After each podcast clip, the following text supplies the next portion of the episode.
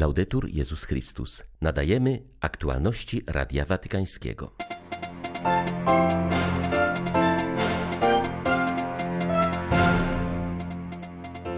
Na zakończenie pielgrzymki do Grecji papież Franciszek spotkał się z młodzieżą ze szkoły sióstr Urszulanek w Atenach. Zachęcił młodych, by nie bali się opuszczania wirtualnego świata i służby drugiemu człowiekowi. W drodze powrotnej do Rzymu papież rozmawiał na pokładzie samolotu z dziennikarzami. Jedno z pytań dotyczyło dokumentu Komisji Europejskiej, który zalecał unikania odniesień do Bożego Narodzenia. Unia musi powrócić do ideałów ojców założycieli, odpowiedział papież.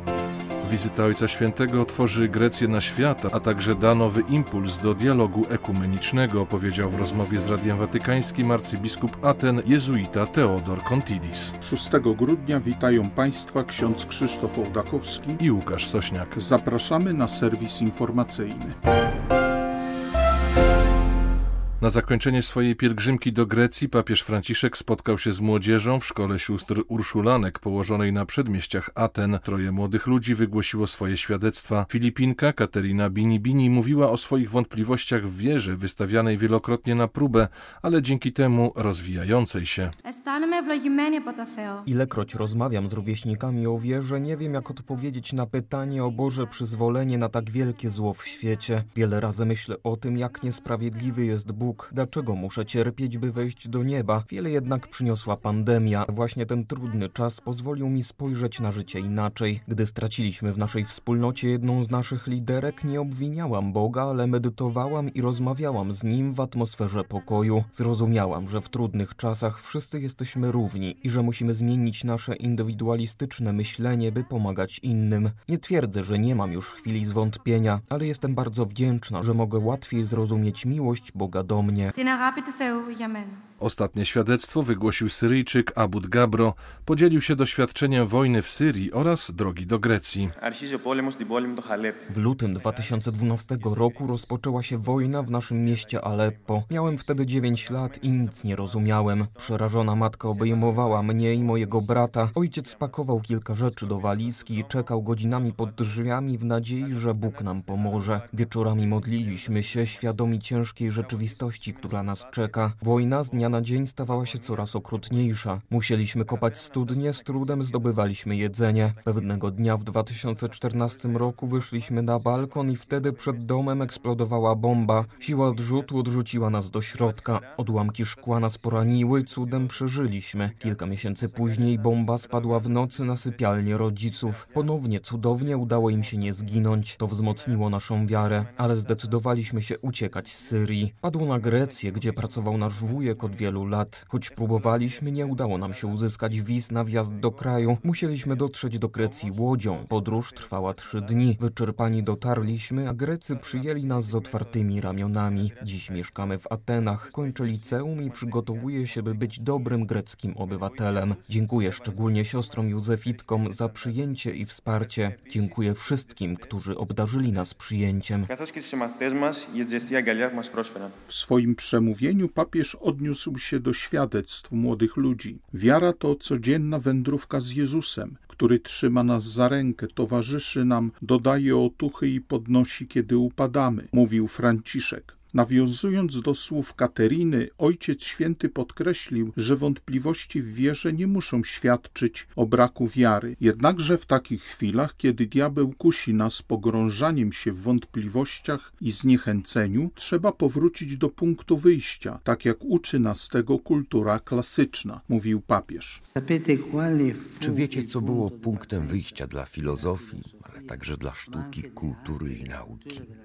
Wszystko zaczęło się od iskry, od odkrycia, które oddaje wspaniałe słowo taumazein. Jest to zdziwienie, zdumienie, ale zdumienie jest nie tylko początkiem filozofii, lecz także początkiem naszej wiary. Ewangelia wielokrotnie mówi nam, że kiedy ktoś spotkał Jezusa, był zdumiony. Sercem wiary nie jest idea czy moralność, lecz rzeczywistość. Piękna rzeczywistość, która nie zależy od nas i która zadziwia. Jesteśmy umiłowanymi dziećmi Boga. To jest istota naszej wiary. Mamy Ojca, który czuwa nad nami, nigdy nie przestając nas kochać.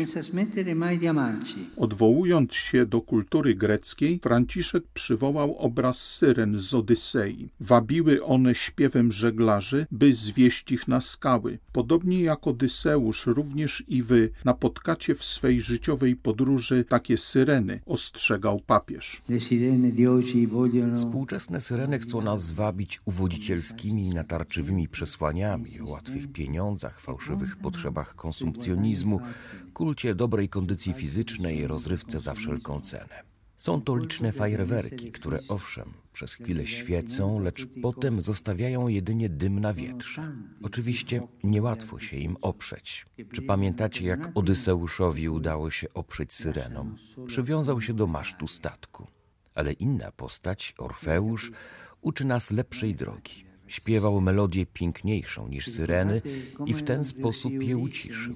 Dlatego tak ważne jest pielęgnowanie zachwytu piękna wiary. Nie jesteśmy chrześcijanami dlatego, że musimy nimi być, ale dlatego, że jest to piękne. I właśnie po to, by zachować to piękno, mówimy nie tym, którzy chcą je przysłonić. Radość Ewangelii, zadziwienie Jezusem sprawia, że wyrzeczenia i trudy schodzą na drugi plan. Franciszek wskazał na znaczenie świadków w przekazie wiary. Aby poznać Boga, nie wystarczy wyrobić sobie o nim jasne wyobrażenie, trzeba pójść do niego z całym swoim życiem. Być może właśnie dlatego tak wielu go nie zna, ponieważ słyszą tylko okazania i przemówienia. Jezusa poznaje się na podstawie konkretnych twarzy i osób, mówił Franciszek. Papież zwrócił też uwagę na potrzebę odkrycia wartości służby. Służba jest nowością Jezusa. Służba, poświęcenie się dla innych jest tą nowością, która sprawia, że życie jest zawsze młode. Nie zadowalajcie się wirtualnymi spotkaniami, lecz szukajcie tych rzeczywistych, zwłaszcza z tymi, którzy was potrzebują. Nie trzeba dążyć do bycia widzialnym, ale szukać tych, których nikt nie widzi. To jest oryginalne i rewolucyjne. Służyć innym to najpiękniejszy i największy akt człowieka. Ludzie często są dziś bardzo społecznościowi, ale mało społeczni. Zamknięci w sobie, zniewoleni komórkami, które trzymają w ręku. Ale na ekranie brakuje drugiej osoby, jej oczu, oddechu, rąk. Ekran z łatwością staje się lustrem.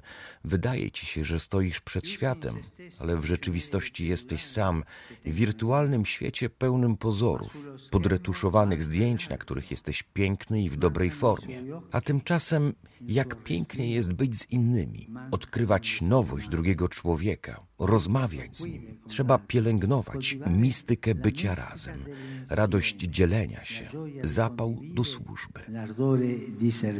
Prosto ze szkoły świętego Dionizego papież pojechał na lotnisko w Atenach, skąd odleciał do Rzymu. W drodze powrotnej Franciszek spotkał się na pokładzie samolotu z dziennikarzami, którzy towarzyszyli mu w podróży. Jedno z pytań dotyczyło dokumentu Komisji Europejskiej, który zalecał unikania odniesień do Bożego Narodzenia i chrześcijaństwa w ogóle. To anachronizm. W historii wiele dyktatur usiłowało zrobić to samo. Pomyślmy o Napoleonie, dyktaturze nazistowskiej, komunistycznej. Jest to pewna moda, laicyzm rozpuszczony w wodzie destylowanej. Ale to się nie sprawdziło w historii. Skłania mnie to do refleksji nad Unią Europejską, która, jak sądzę, jest konieczna. Ale Unia musi powrócić do ideałów ojców założycieli. Były to ideały jedności, wielkości. Unia musi uważać, by nie otwierać się na kolonizacje ideologiczne, bo może to doprowadzić do podziałów między krajami i upadku Unii Europejskiej. Unia musi respektować każdy kraj, jego wewnętrzną strukturę. Musi respektować różnorodność krajów, a nie je ujednolicać. Myślę, że tego nie robią, nie taka jest ich intencja, ale trzeba uważać, bo niekiedy wychodzą programy takie jak ten i nie wiedzą, co z tym zrobić. Nie, każdy kraj ma swoją specyfikę, ale każdy kraj jest też otwarty na inne w Unii Europejskiej. Ma własną suwerenność, suwerenność braci w jedności, która respektuje odrębność każdego kraju. I trzeba uważać, by nie stać się propagatorem kolonizacji ideologicznej.